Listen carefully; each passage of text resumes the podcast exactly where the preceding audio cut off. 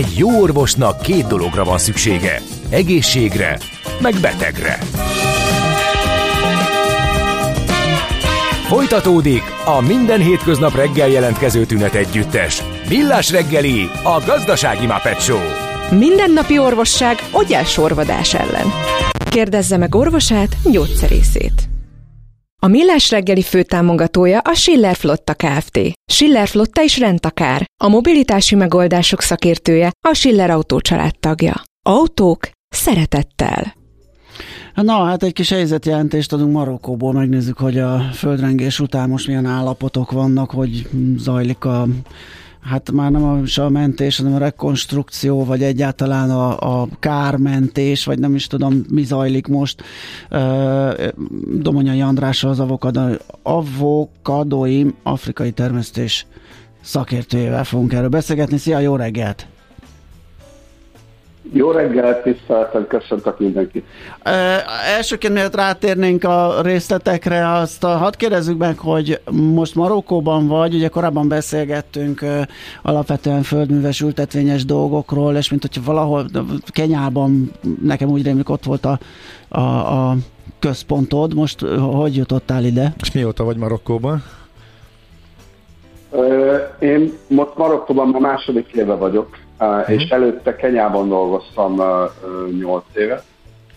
Uh, valamikor nyáron volt egy beszélgetésünk, már egy hosszabb beszélgetésünk, uh, ahol uh, megpróbáltuk azt összerakni, felvázolni, hogy mennyire érdekes akár egy magyar mezőgazdásznak, vagy egy magyar befektetőnek is, hogy Afrika felé uh, orientálódjon, meg hogy mennyire érdekes az, hogy kvázi startup az, az ember magyarként elkezd Kenyában dolgozni, aztán úgy alakult az élet meg a helyzet, hogy, hogy Marokkóban adódott egy nagyon jó lehetőség, amit említettél is, hogy, hogy mi az újabb pozíció, hogy egy nagyon nagy export-import cégnek saját termesztése lett Marokkóban, és így, így meghívtak, hogy dolgozzak, dolgozzak velük, segítsek neki. Aha.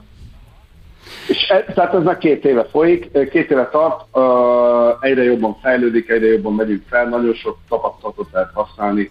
Uh, pont Marokkó, agrár szempontból pont uh, a határon van Európa és uh, Afrika olyan határán, ahol még jól lehet termeszteni, úgyhogy uh, ez egy egészen, egészen uh, jó választás és különleges helyzet, hogy itt lehetek. És most volt múlt héten földrengés így van. Oh. Hogy, hogy visszaugorjak a témánkra. Igen, igen, ez érződött Agadérban is. Milyen messze volt az epicentrum? Igen, te lejjebb vagy, ugye? Atlasz környéken. Az a helyzet, hogy itt volt, nagyon közel volt az epicentrum, és ez az a régió, amelyik a hírekben is szerepel. Uh-huh. A Agadér, Agadérban volt egy nagyon nagy földrengés 59-60-ban, amely a, a régi Agadir, ami egy nagyon régi város, már több ezer éve létező város, a régi Agadirt azt teljesen a földszínével egyedül Egyetlen egy épület maradt meg abból az időből, az egyébként pont itt van tőlem nem messze rá is lehet látni, ha nagyon úgy nézett ki az ablakon. Az a régi mozi, ami egy ilyen félkör alakú, akkor nagyon modernnek számító építési technológiával valamilyen vasbeton technológiával készült, de azon kívül Agadir akkor a 60-as földrengésben eltűnt. Tehát, hogy volt már ennek az előzménye, hogy ilyen van, hogy létezik, itt van valamilyen törésvonal, és most múlt héten pénteken volt egy nagyon erős rengés innen, innen nem messze. A Tarudant nevű város szerepel nagyon sokat a hírekben, azért 50 kilométerre van, és itt már nem vagyunk messze, Agadir nincs messze az Atlasztól sem, 150-100 kilométerre van az Atlasznak az első lejtője, sajnos ott nagyon-nagyon sok ház összeomlott, nagyon sok áldozatot követelt a rengés. Ez egy nagyon erős rengés volt. A 6-8-as 7-esnek mérték, és ez, ez nagyon erősnek számít. Azt hiszem az elmúlt 30 vagy 90 napban a világon ez volt a legerősebb rengés. Volt bármilyen előjele? Hát voltak kisebb rengések, amiből lehetett következtetni, vagy pedig teljesen derültékből villámcsapásként érte a helyeket? Hát nézd, egyrészt, egyrészt valahogy ez benne van a köztudatban, hogy, hogy Agadír és hogy, hogy itt földregés van. Agadírnak a teljes építészete, ami azóta kialakult, az hetes itt földrengés biztosnak kell lennie, Agadírban. Uh-huh. Na de azon kívül, tehát ahogy néz ki a városból, azonnal, azonnal ez a szabályozás, ez láthatóan megszűnik, annak ellenére, hogy a főutak mentén, amerre a fő ö, ö, forgalom jár, és ö, ahol ö, falvakon mész keresztül, ott nincsen látható kár. Tehát igazi látható kár az az Atlasz-hegység nagyon régi földvályog vagy vegyes téglavályog építési házaiban keletkezett. És itt lehetett nagyon érezni, főleg én magasan is lakom, egy magas ház magasabb helyén, borzasztó félelmetes érzés, és az, elő, az előzetese meg az volt, hogy tavaly valamikor ősszel volt egy 5-2-es sengés. És az is olyan volt, hogy, hogy már ezt lehetett akkor tudni érezni, hogy na, akkor most itt földrengés van, és hogy ez erős. És azóta egy picit egy, mindenkiben benne volt az, hogy, hogy azért itt a földrengés az, az a mindennapok része lehet. Uh-huh. És például mondok egy példát, hogy, hogy jó magam, amikor volt a tavaly őszi ötös rengés, akkor előkészítettem az ajtó mellé egy kis csomagot, amiben van víz, valami használt ruha, nagy használható valami ruha, valami papucs, valami ö, ö, ö, olyan, olyan hasznos, kisebb-nagyobb dolgok, csokoládé, cukor, amit hogyha az ember gyorsan kiszalad az ajtón, akkor kell neki. És az az igazság, hogy, hogy most ezt, ezt használni is kellett. Tehát azonnal felugrás, rohanás, le a lépcső, nyilván liftet azonnal nem használja az ember, de tudja, hogy nem szabad használni. És ezt, azonnal használ, ezt a kis csomagot fölkaptam. Mikor történt pontosan? És, hány, órakor, hány órakor történt? Mit csináltál éppen, amikor érezted, hogy indul a rengés? Nézd, ez este, este 11-kor volt, este 11-kor történt, és uh, uh, nem nagyon lehetett tehát nem volt átmenet, hanem elkezdett elképesztően ingadozni a, a ház, elképesztően csapkodni az összes szekrényajtó, és uh. akkor még nem volt gondolkodás, hanem rohanás. Uh-huh. Rohanás uh-huh. Ö, le az utcára.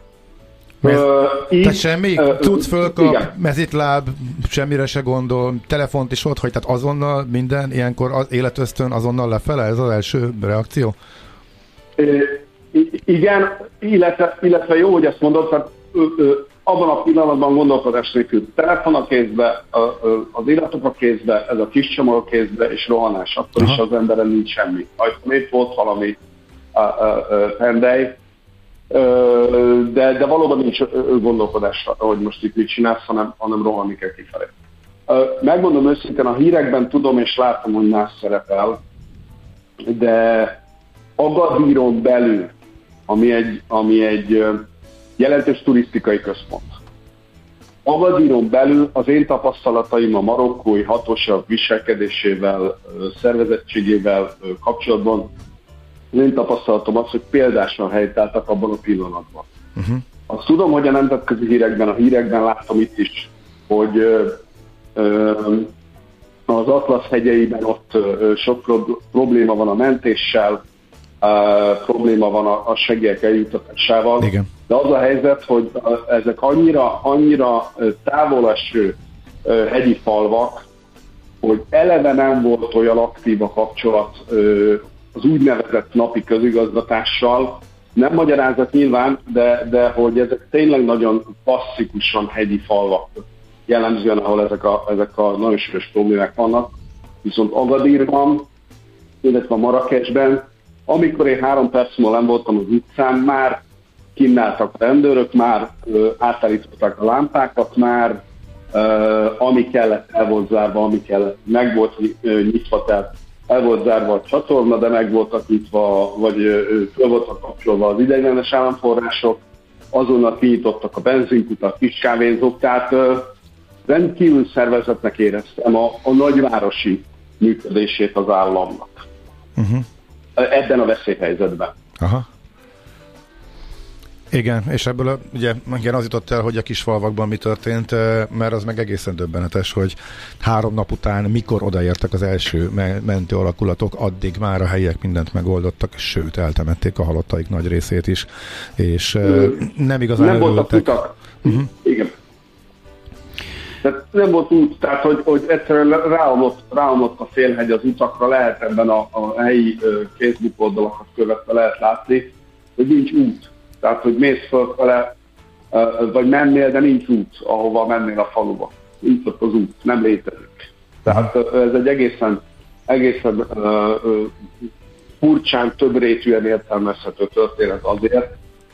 Uh, nyilván védem a marokkói, marokkói államot is, mert uh, tudjuk azt, hogy uh, ugyan Marokkó, hogy azért, azért a, a, a szaktémát is ide keverjem, ugyan Marokkó pont egy nagyon jól fejlődő, nagyon jó pályán lévő, agráriumában, gazdaságában, társadalmi berendezkedésében modernizálódó, nagyon jó észak-afrikai állam, de nyilván rengeteg probléma van, és maradt még mindig a múltból. Tehát az, hogy most itt tudunk dolgozni mondjuk agráriumban, vagy itt ö, érdemes ö, ö, befektetni, dolgozni nagy agrár vállalkozóként, az annak köszönhető, hogy ez az állam már elkezdett egészen jól működni. Uh-huh. De az nyilvánvaló, hogy azért az elmúlt uh, Marokko azért nagyon régi államalakulat, száz évnek a, vagy a 200 évnek a történetét nem lehet egyik napról a másikra ö, ö, ö, elmosni. A problémák azért itt vannak, meg léteznek, meg tudunk róla, és ebben a vészhelyzetben pont ez a fajta probléma, hogy az állam nem tud még mindenhova kiterjedni, nem tud mindenhol még segíteni, ez most azonnal kijön és lát. Egyébként a társadalom hogy reagált? Az emberek mit mondtak, hogyan reagáltak, milyen volt a hangulat utána, illetve milyen most? Vannak-e utórengések? Nagyjából lehet-e sejteni, hogy akkor ez már a főrengés volt, és akkor most már talán elől? Illetve milyen mi okozza most a legnagyobb problémát, milyen hiányok vannak, vagy mire lenne szükség ott? Nézd, nagyon gyorsan ö, ö, ö, visszaállt a, nagyon gyorsan visszaállt az élet, uh-huh. ö, de az első három napban ez a ö, klasszikus és mindenki általa ö, ajánlott autóban alvás, kívül alvás azért általános volt. Tehát Agadér környékén mindenhol az utak mellett álltak az autók, álltak az idegenes sátrak, amit a, a lakosság ö, vert fel, mert, se, mert még visszamenni a házadba két-három-négy napig. Uh-huh. A, hi, tehát, hogy miben van hiány, vagy miben sem. A, ha te Marokkóban élsz, vagy létezel, uh, akkor és nagyvárosban, akkor nagyon-nagyon hasonlatos, százszerzalékban hasonlatos ahhoz, ahogy Európában élni. Tehát itt a, az ellátási láncok, a boltok, a élelmiszer, a vízellátás, vagy semmilyen fennakadás nem volt egy, tehát egyszer sem semmi, nem volt, nem is merült fel, hogy ebben fennakadás lenne. Ö, amikor ez a háromnapos kívülalvás, ez, ennek vége lett, ez a három-négy éjszakás kívülalvásnak vége lett, az élet elég gyorsan visszaállt a, normálisba, úgyhogy azért mindenki kicsit tartott a utórengésektől volt, és egyébként ilyen négyes körüli utórengés, de, de aztán valahogy úgy ment tovább, úgy ördült tovább mindent. Tehát nem nagyon, nem nagyon van, persze mindenkiben látszik, meg, meg mindenki érződik a feszültség, hogy azért egy súlyos katasztrófa volt, de nincsen olyan nagyon benne most a köztudatban az, hogy hú, most ezzel kell foglalkozni, én ezt érzékelem. Uh-huh. És ilyen segítség azoknak, akiknek a legnagyobb a problémájuk, akik mindenük oda lehet, a hegyiekkel kapcsolatosan a, a lakosság, a városi lakosság hogyan érez, vagy ők mit gondolnak, mondanak, tesznek esetleg? Ez egy nagyon-nagyon tipikus, hogy ö, mindenkinek van ö, az európaitól megszokott ö, vidéki gyökere tehát mindenkinek van rokon, barát, ismerős, nagymama, nagybácsi, aki még a vidéken lakik, vagy a nagyon távoli klasszikus afrikai vagy észak-afrikai vidéken lakik, tehát mindenki érintett. És kapcsolat is aktív, tehát nem az, hogy valaki él a városban és valahol él messze valamilyen nagybácsi, nem tudom hol, hanem az aktívak a kapcsolatok. A gyerekek nagyon sokat vannak ezeknél a rokonoknál, néhány hónapig akár a, a családok együtt laknak ezeken a vidéki helyeken, ezért mindenki ezt megérezte, hogy itt, itt baj van. Itt a, a környéken lévő összes meccset az gyűjtés szervez, az összes meccset előtti naptéren adományokat lehet leadni, a boltokban adományokat lehet leadni, a rendkívül fejlett ö, telekommunikációs ö, köszönhetően ö, minden csatornán lehet ö, ö, bármilyen segítséget, pénzügyi segítséget ö, ö, adni, vagy, vagy utalni egy gomnyomással. Tehát ö, ez, ez még továbbra is működik, illetve a civil összefogás az nagyon erős volt. Ö, egészen ennek a hétnek az elejéig folyamatosan a nagyvállalatok, nagyvállalkozók, sőt még a kisebb, de tőkerés vállalkozók is hatalmas gyűjtéseket szerveztek, vagy saját erőből küldtek teherautókat az Atlasz környéki falvakba, matracokkal, élelmiszerrel. Oké, okay. hát nagyon szépen köszönjük a beszámolót, és Hát nem tudom. Most neked nem jó munkát kívánunk ezek után, hanem hát, mit kívánunk? De, egész nyugodtan. Hát, és de... De, hogy nem, sikereket ott Marokkóban. Hát, sikereket Marokkóban, igen, igen. Persze. Azt szerintem jobban hangzik így is. Igen. Köszönöm szépen. Az a helyzet, hogy, hogy, hogy ö, talán úgy indultunk el, hogy, hogy a marokkói munkáról fogunk beszélni, vagy, vagy néhány nappal ezelőtt erről, erről kezdődött az eszmecsere köztünk, hogy veletek ezzel fogunk beszélni de az a helyzet, hogy, hogy most a marokkói munkát egyébként azt elmondom, hogy a, hogy a e, agrármunkát ez nem befolyásolta, de ez volt az az esemény, ami rendkívül fontos e, a térségben is, ami talán sokkal fontosabb, hogy uh-huh. erről is erről beszéljük, vagy erről. Így van, mi is így éreztük. Legyen uh-huh. több információ. Oké, okay, okay. fogunk még beszélgetni, fogunk hívni, addig is jó munkát és szép napot már. Köszi a beszélgetést. Nagyon köszönöm. Szia, köszönöm szia. szépen, minden jót, sziasztok. De mondja, Jantrással az avokadóim, itt lemaradt egy ékezet vajon, vagy ez avokádóim? Vagy avokadóim. Nem tudom, szerintem így van írva. Így van, oké. Okay. Afrikai termesztés szakértője, ugye korábban beszélgettünk vele sokat Kenyában, azt hiszem par, fele paradicsom, meg ilyen ültetvényeken uh-huh. ügyködött, és hát most, hogy hallhattuk, már Marokkóban nyomja egy nagy agrárvállalkozásban. Sok minden lesz még ebben az órában. Úgy látom, hogy az üzeneteket nem látjuk. Most már elvesztettük a Vibert is, az is megfagyott, igen. igen. Úgyhogy továbbra is némi nemű technikai nehézségekkel küzdünk, de lesz adózásról érthetően rovatunk is, illetve észjáték logisztikai rovatunk is, könyvezetés és adózás devizában témában fogunk majd kérdéseket föltenni az adózásról érthetően rovatunkban, de előtte még Most gyorsan. is teszünk fel kérdést. igen, igen, mert hogy a játék következik. Jé, hát ez meg micsoda? Csak nem. De, egy aranyköpés.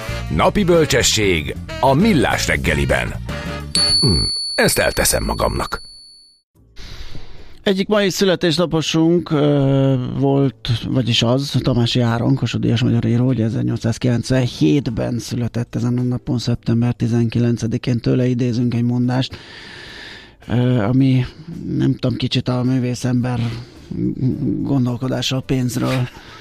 Aki nappal pénzzel bajlódik, éjjel ördöggel álmodik.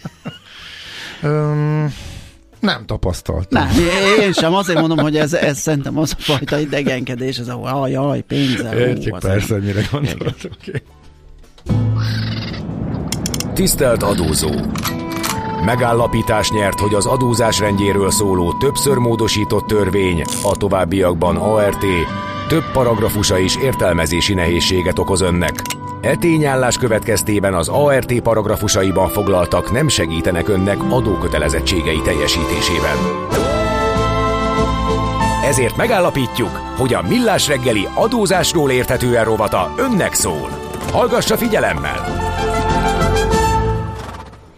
Na, megnézzük ezt a devizában adózást. Ugye tavaly született a rendelet, és idén január 1-től van erre lehetőség, hogy ez hogyan működik, illetve hát hogyha már adózás, akkor valószínűleg odáig a könyvvezetést is devizában kéne, tehát ezt nem nagyon látom életszerűnek, hogy kijön egy adófizetési tétel, elballagok a pénzáltóba csinálok belőle eurót, és azt fogom beutalni mondjuk a költségvetésbe. Szóval itt valószínűleg a könyvezetést is így kell megtenni, de elsősorban azt fogjuk megkérdezni Siklós Mártától, hogy egyáltalán kinek szól ez. Ő a Leitner Leitner vezető tanácsadója, partner, és a minden igazítva a telefonvonalunk túlsó végén. Szia, jó reggelt! Jó reggelt mindenkinek, szervusztok! Nos, kiválaszthatja, akkor... kinek érdemes, igen, ebben gondolkodni, hogy ő devizában adózzon, illetve az odavezető utat a, a könyvezetés devizában ezt válassza. Hát igazából mindenkinek van erre lehetősége, ehhez képest persze jó kevesen választják, jellemzően inkább csak külföldiek magyarországi leányvállalatai, ahol ugye az, az anyavállalat könyvezetési előírása miatt ez érdekes uh-huh. lehet, illetve külföldiek magyarországi fiók telepei. De tényleg a Magyarországon rendkívül nagy számban lét, ö, meglévő vállalkozások közül nagyon kevés választja, pedig azért nagyon-nagyon sok vállalkozásnak vannak ö, külföldi piaci kapcsolatai, és ebből adódóan nagyon sok vállalkozásnál vannak devizás tételek, és talán érdemes lenne átgondolni, hogy hogy válasszák vagy sem. Különösen azért, mert hogyha megnézzük az euró, illetve a dollár, illetve egyáltalán a devizáknak, valutáknak az árfolyam ingadozását, akkor azért látjuk, hogy ez, ez nagyon komoly, és ha csak azt tesszük, hogy 2022. december 31-én volt egy 400 forintos eurónk, uh-huh. most meg van egy 383 forintos eurónk, ami azt jelenti, hogy 17 forinttal kevesebb most az árfolyam, mint 31-én volt, akkor ebből látszik, hogy az idén, ha kötelezettségeink voltak, akkor akár árfolyam nyereségünk is keletkezhet, aminek lehetnek olyan adózási következményei is, hogy ezt az összeget, ezt az árfolyam nyereséget le kell adózni. Persze ne felejtsük el, hogy tavaly évvégén meg árfolyam veszteségünk volt, és egy csomó cég pont emiatt az árfolyam miatt lett tőkevesztő, azaz elvesztette a saját tőkéjének egy részét. Szóval pontosan ezeket a hatásokat lehetne, ezeket a kiszámíthatatlan ingadozásokat lehetne kiküszöbölni akkor, hogyha valaki átgondolná azt, hogy hűha az én tranzakcióim jelentős része dollárban, euróban vagy bármilyen más devizában van, akkor nézzük meg, hogy lehet De igazán kiküszöbölni gondolom az árfolyamigadozást akkor tudja, hogyha mind a két irányban vannak devizás tételei jelentős mennyiségben, tehát bevétel és kiadás is. Így van, mert akkor a kettőnek a, az ellentétes hatása kiüti Így egymást, van. tehát van erre lehetőség. Ugyanakkor, hogyha valaki átáll a devizában történő könyvelésre, ennek egyébként vannak feltételei, akkor akkor sem tudja száz százalékban kiküzöbölni ezeket a hatásokat, azért, mert továbbra is maradnak olyan tételek, uh-huh. és akkor most mondok egyet-kettőt, például a közműszámlák, Aha. vagy uh, például uh, a munkabérek, uh, vagy például vannak olyan adótartozások, amelyeket továbbra is uh, uh, forintban kell teljesíteni, tehát hiába vezetem könyveimet devizában marad olyan tétel év végén, amit ugyanúgy át kell számolni, mert innentől kezdve érdekes módon ugye a forint lesz az a deviza, aminek, ami majd árfolyam különbözetet fog okozni, uh-huh. hogyha euróban vezetem például így a könyveimet. Az az, szóval azért vannak, így van, így van. Szóval azért nem százszázalékos a megoldás, de a nagy részét ezzel ö, meg lehet oldani. És ha már ott tartunk, hogy hogy adófizetés devizában, akkor eddig ugye a könyvezetésről beszéltünk, uh-huh. hogy ezt lehet devizában csinálni, de most már van lehetőség arra, hogy két adónemet, a társasági adót és az iparüzési adót, azt dollárban vagy euróban fizessük. Hangsúlyozom, hogy dollárban vagy euróban, tehát más devizában nem lehet fizetni. És ugye a felvezetőben elhangzott, hogy hát Alapvetően ez nem biztos, hogy annyira előnyös szabály. Valóban nagy tömegek számára nem, de abban az esetben, hogyha a bevételeim például jelentős részt ennek a két devizának valamelyikében keletkeznek, és nem akarom ezeket átváltani, mert ez nekem nem egy előnyös tranzakció, akkor megtehetem, hogy egy erre elkülönített, a NAV által erre elkülönített kinevezett számlára ezeket az adókat ebben a devizában teljesítsem. Tehát van ennek azért relációja, vagy jogosultsága, és még egy dolgot szeretnék mondani, hogy ez azoknak a vállalkozásoknak is érdekes lehet, akik egyébként a könyveiket nem ebben a devizában vezetik. Tehát a könyvvezetés deviza nemétől függetlenül lehet a társasági adót, illetve iparüzési adót euróban vagy dollárban fizetni. Tehát akkor, amit én az példánban hoztam az elején, azért az mégis lehetséges, hogy én átváltok eurót, és lehet is akár benne ráció, hogyha én azt mondom, hogy mm, nem tudom, az év elején valami tartalékból vásárolok eurót, mert szerintem az év végén mondjuk egy adófizetés esetére gyengülni fog a forint, és jobban járok azzal, hogyha már most tartok eurót, és euróban fizettem meg az adót. Ez egy lehetséges forgatókönyv? Ez abszolút lehetséges forgatókönyv abban az esetben, hogyha 2022. december 31-ig erről döntött. Na, ezt akkor tisztázzuk Tehát, is, igen, hogy hogy megy ez a folyamat, hogy mik a feltételei ennek, hogy ez így lehetséges legyen.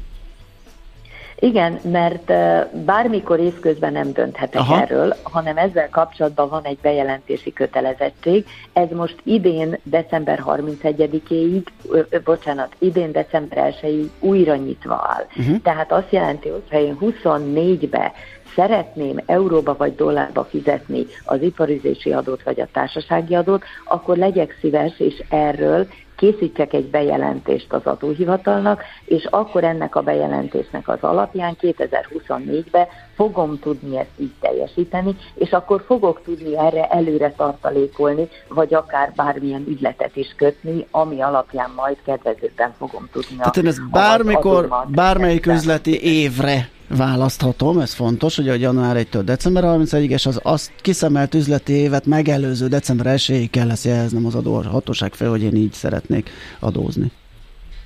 Így van, így van. Uh-huh. De nem lenne a jogszabály magyar jogszabály, hogyha nem lenne benne egy pici eltérés, nevezetesen az, hogy a társasági adó esetében van bejelentési kötelezettség, az iparüzési adó esetében viszont nincs bejelentési kötelezettség. Hogy mi ebben a logika, azt nem kéne keresni talán, de a magyar jogalkotás gyönyörei itt is megmutatkoznak. Tehát igazából az iparüzési adó, adót, ha bejelentettem, ha nem jelentettem, akkor is fizettem be. Még két, két fontos pontja mindenképp van ennek, hogy ugye az adót azt azért azzal együtt forintban kell kiszámolni, akkor itt milyen devizárfolyamot kell majd alapul venni? Így van, mindenképpen forintban kell kiszámolni, és az adóbevallást is forintban kell elkészíteni. Tehát innentől a deviza árfolyam az mindig az az árfolyam lesz, amikor a bankszámlámat megterhelik, az akkori MNB árfolyamon kerül majd ez az összeg átváltásra, illetve az adófolyószámlámon jóváírásra, mert ugye forintban megy be a bevallás, tehát az adófolyószámlán forintban jelentkezik. Ez azt jelenti, hogy én hiába indítok egy deviza átutalást, a deviza átutalásnak az én bankszámlamon történő terhelési napjának az MNB árfolyamán íródik majd jóvá az adófolyószámlán ez az összeg. Tehát ez uh-huh. a dolognak a lényege, és itt is van egy pici eltérés az iparüzési adó és a, a társasági adó között, ugyanis iparűzési adó esetében ez a jóváírás a beérkezés napja. Most miután már ennyire gyorsak a devizás műveletek is, ezért vélhetően ez ugyanaz az időpontra, ugyanarra az időpontra fog esni az én terhelési napom, uh-huh. mint egyébként a beérkezési nap, de nem kizárt, hogy a kettő között van eltérés. Tehát pénteken ne indítsuk Igen. mondjuk ilyen utalást. És akkor még egy tétel, mondjuk a munkabért kérhetem-e devizában? Hát ez egy nagyon izgalmas kérdés, és ezt nem is tudjuk ilyen rövid idő alatt megbeszélni. A tömör válasz az, hogy nem. De megint csak nem lenne magyar jogalkotás nem akkor, ha kivételek. nem olyan kivételek. Igen. Így van, így van. Tehát vannak kivételek, például a vezetőállású munkavállalók, a külföldön történő munkavégzés, vagy a nem magyar állampolgárok történ, részére történő bérkifizetések esetében, tehát ott, ott lehet devizában kifizetni, illetve hogyha megbízási szerződéssel foglalkoztatok valakit, akkor ott is van lehetőség, mert az nem a munkatörvénykönyve hatája alá eső szabályozás, és innentől kezdve ott megint csak vannak lehetőségek. De hangsúlyozom, hogy ezen munkabérek és a béradók tekintetében nincs lehetőség a devizában mm-hmm. fizetésre. Oké, okay, Jó, tehát ezek ilyen nagyon hm. izgalmas. Igen, igen, igen, és köszönjük, hogy beszélgettünk is erről, mert most adtunk egy két és fél hónapot a cégeknek, hogy átgondolják, hogy esetleg ö, bejelentkeznek a NAV-nál, hogy a jövő évi adóévben devizában akarják teljesíteni az adófizetési kötelezettségeiket is, kötelezettségeiket, mert ahogy elmondtad, ugye december 1-ig lehet ezt jelezni, úgyhogy addig van idő ezt átgondolni. Köszönöm még egyszer a beszélgetést, szép napot kívánunk! Köszönöm én is, szép napot mindenkinek! Szervusz. Szervusztok! Siklós Mártával, a Leitner Leitner vezető tanácsadójával, partnerével beszélgettünk arról, hogy uh, dióhéjban, hogy hogyan is zajlik a könyvezetés és adózás devizában. A törvény által kiszabott adózásról értetően rovatunk hangzott el.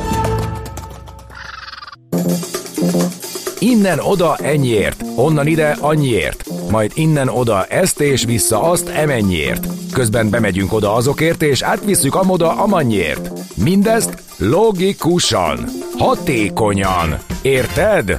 Ha nem, segítünk. Észjáték. A Millás reggeli logisztikai rovata következik. A rovat támogatója a Rail Cargo Hungária ZRT. Minőség, megbízhatóság, biztonság a vasútlogisztikában. Tovább zöldítjük a logisztikát, ez a fő témánk, hogy a múltkori adásunkban is, amit a benne együtt bonyolítottunk, ez volt a téma, csak akkor a nemzetközi szállítmányozás uh-huh. viszonylatában vizsgáltuk a logisztika és fenntarthatóság kapcsolatát. Most egy picit megnézzük, hogy a létesítmények, illetve a raktár logisztika hogyan működik, hogyan lesz fenntartható. Ebben Üveges Zoltán fog segíteni nekünk a Raben Trans European Hungary Kft értékesítési és marketing vezetője. Jó reggelt kívánunk! Jó reggelt, sziasztok, üdvözlöm a hallgatókat! Na, a fenntartható ingatlan, hát ez szerintem ezt már úgy nagyjából tudja mindenki, hogy az otthona, vagy akár már egy irodaház is, hogyha ilyen kis jelzőt kap, akkor ott hogyan működik, vagy, vagy miért hatékony, de hogyan van ez az ipari vagy logisztikai katlanok esetében, és ott mennyiben van ennek szerepe vagy fontossága? Igen, abszolút azt gondolom, hogy egy gasztronómiai analógiával élve forró krumpli ez a téma az utóbbi hetekben, hónapokban, hiszen a saját zsebünkön is érezzük ennek a hatását, és, és bizony a magánotthonokban is elindult egyfajta fenntarthatósági törekvés. A legfontosabb érdek nyilván egy gazdasági érdek.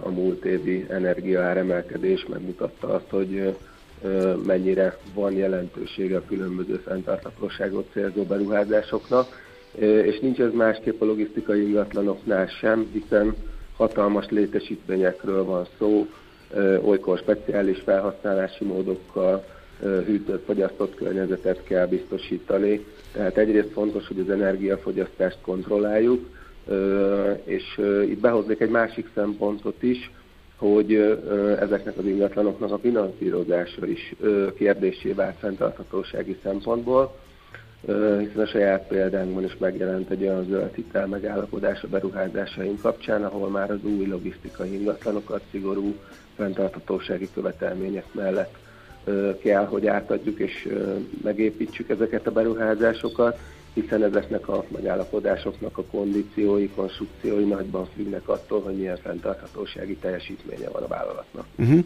Azt gyanítom, hogy ezekre, ezek szerint az elmondottak alapján van igény mostanában. Abszolút, és utaltál már a, a, a múltkori adásra a szállítmányozás kapcsán, mennyire fontos, és egyre több piaci szereplő számára fontos, hogy megértse, mérje és nyomon kövesse saját ESG teljesítményében a logisztika környezeti lábnyomát. Mi is ezt látjuk raktár logisztikai oldalról, hogy ez a fajta hatékonyság és fenntarthatóság egyre inkább megjelenik az ügyfél elvárások között, és nem véletlen, hogy az újonnan átadott, illetve épülő magyarországi létesítményeknek a nagy része már a szívünk fenntarthatósági elvárások szerint épül. Uh-huh. Na most, hogyha szép lassan átalakulnak a logisztikai ingatlanok ilyen módon fenntartóan működő objektumokká, akkor mi fogja őket megkülönböztetni? Mi, mi, mi az, ami versenyelőnyt biztosíthat közöttük? Hú, hát ez egy nagyon jó kérdés, hiszen amellett, hogy korszerűsödik a kínálat, az elmúlt időszakban értetlen mértékben bővült is. Ugye azt látjuk a piacon, hogy az üresedési ráták az elmúlt uh-huh. egy mhm. évben egyértelműen emelkednek, miközben azért a gazdasági környezet jelen pillanatban az mindenki számára nem kedvező módon csökkentette a nettó keresletet, ahol a raktárlogisztikai ingatlanok esetében a szerződés hosszabbítások nélkül 40% fölötti keresletcsökkenésről van szó. Hát ilyen körülmények között felértékelődnek azok az értéknövelő tényezők, amik potenciális partnerek számára különbséget jelenthetnek. Itt elsősorban az a szolgáltató kerülhet lépéselőnybe, aki egyrészt képes több iparák számára releváns logisztikai környezetet biztosítani, akár egy veszélyes árutárolással gondoljunk itt csak a ugrásszerűen megnövekedett litium akkumulátor. Ezt pont citáltuk a logisztikai szövetségnek az ez irányú képzését itt a műsor elején, hogy ez egy annyira speciális uh-huh. terület, ugye, hogy erre most igény van, hogy a logisztikai szakembereket ez irányba tovább képezzék. Tehát ezen látszik, hogy egy, egy, egy komoly Igen, és szakmai kihívás. Az egész környezet, a, a szabályozási környezet is lohol utána ennek a, az igénynek, mert nagyon fontos, hogy ezt a logisztikai környezetet is biztonságos körülmények között meg tudjuk teremteni, illetve a különböző olyan értéknövelő szolgáltatások nyújthatnak versenyelőny, ahol valamilyen kiszervezett tevékenység a logisztikai szolgáltató erőforrásának a bevonásával az ügyfélellátási láncához tud értéket hozzáadni, egy nagyon egyszerű példát mondok, rendelésre például vakolatot keverünk az egyik logisztikai projektnek raktári környezetben, ennek megvannak a különböző szigorú telepítési módjai, és ennek az a lényege, hogy oda telepítették ezt a tevékenységet, ahol a disztribúciós tevékenység, tehát az áruelosztás egyéb részei is zajlanak, és ezzel próbálunk szinergiát nyújtani ennek az ügyfélnek. Mhm. Ez most egy ilyen kimagasló vagy kirívó tevékenység, vagy, vagy most már gyakoriak az ilyen igények, és most már kezd mindenki ilyen plusz szolgáltatásokban gondolkodni? Én azt gondolom, hogy ez egyre gyakoribb. Aha. Ö, ö, elsősorban itt a, a elektronikus kereskedelemnek az előretörésével ö, jelent meg ö, hatványozottabban ahol ugye nagyon töredezetté váltak a rendelések, és egy másfajta fogyasztási magatartás is megfigyelhető. Ez, ebben a környezetben egyre többször kérik az úgynevezett ilyen kitting típusú szolgáltatásokat, folyamatokat, amikor kisebb alkatrészeket kell elhelyezni a terméken, vagy ö, valamilyen több részből álló rendelést kell ö, ö, egy szállítmányá összegyúrni. Megint csak egy ö, nagyon egyszerű példa, hogyha ö, hagyományos üzletben próbálunk ö, egy mosógépet megvenni, akkor, ö, akkor nem feltétlenül gondolunk kapcsolódó termékekre, még mondjuk egy online környezetben, ahol erre egyébként nagyon okosan a kereskedő fókuszálja és a figyelmünket, hamarabb ö, képesek vagyunk mondjuk megrendelni az adott ö, vízlágyítószert, mosószert, ami tulajdonképpen majd a folyamathoz fog kelleni, és aztán ez egy, egy forrásból megrendelve egy ö, fura ilyen összvérrendelésé uh-huh. válik, és a szolgáltató számára az a feladat, hogy egy ilyen klasszikus business-to-business környezetbe ezt az elektronikus kereskedelmi tevékenységet is megpróbálja beilleszteni, és a rendelést ugyanúgy nagy magas minőségben tudja teljesíteni. Igen, nagyon fogy az időnk, de arról még beszéljünk a, a skálázhatóságról. Ugye, úgy, ahogy a kereskedelemben értelemszerűen a logisztikában, és ez felmerül, vegyünk egy Black Friday-t, vagy egy karácsonyi szezont, ami sokak számára ismerős, hogy ott van egy óriási dömping, sőt magunk bőrén érezzük, hogy esetleg nem érkeznek időbe a csomagok. Hogy erre hogy, hogy lehet készülni, vagy hogy tudja ezt kiszolgálni egy ilyen szolgáltató, ezeket az igényeket? Igen, igen, tehát ö, ö, ugye itt a, a, a nagyon találó a rovatnak a címe, ö, amikor ugye az észjátéknak a különböző aspektusait próbáljuk boncolgatni, de eléggé össze tudjuk kuszálni az áruellátást ö, ö, csupán azzal, hogy organikusan, folyamatosan válaszolunk a belüli igényekre, és nem szállod szét ezeket a logisztikai folyamatokat. És általában ilyenkor jön az, hogy mondjuk kisebb, korszerűtlen épületekkel próbáljuk leszedni a növekedést, és akkor egy idő után abban a cipőben vagyunk, hogy több éve kivéreltünk egy ilyen épületet, és nem hasznosítjuk, vagy nagyon magas költségbe kerül a fenntartása, illetve az emberi erőforrásainkat sem tudjuk jól kihasználni benne. A skálázhatóság ott jelenik meg egy kiszervezett környezetben, hogy a vállalkozásnak akár nem is kell saját emberi erőforrást, vagy többletet hozzárendelni a tevékenységhez, egy helyen, egységes rendszerben, egységes informatikai környezetben elérhetővé válik számára a szolgáltatás, és a megosztott logisztikai környezet a, a, az alacsony intenzitású szezonokat ugyanúgy tudja kezelni, optimálisan kihasználva a munkaerőt, és ezt, ezt azzal teremti meg, hogy több felhasználós környezetben szolgálja ki az adott ügyfélnek a logisztikai igényeit. Aha, és igaz ez, ugye ez most a tárolás kapacitás, de igaz ez a, a, a fuvarozásra is, tehát a, a szállítási részre is, mert ott ugye kézenfekvő, hogy amíg csak egy-két csomagról van szó, a, a vállalkozás a saját járművét használja, de hát egyszer csak itt is eljöhet egy pillanat, amikor szükség lehet ennek a kiszervezésére.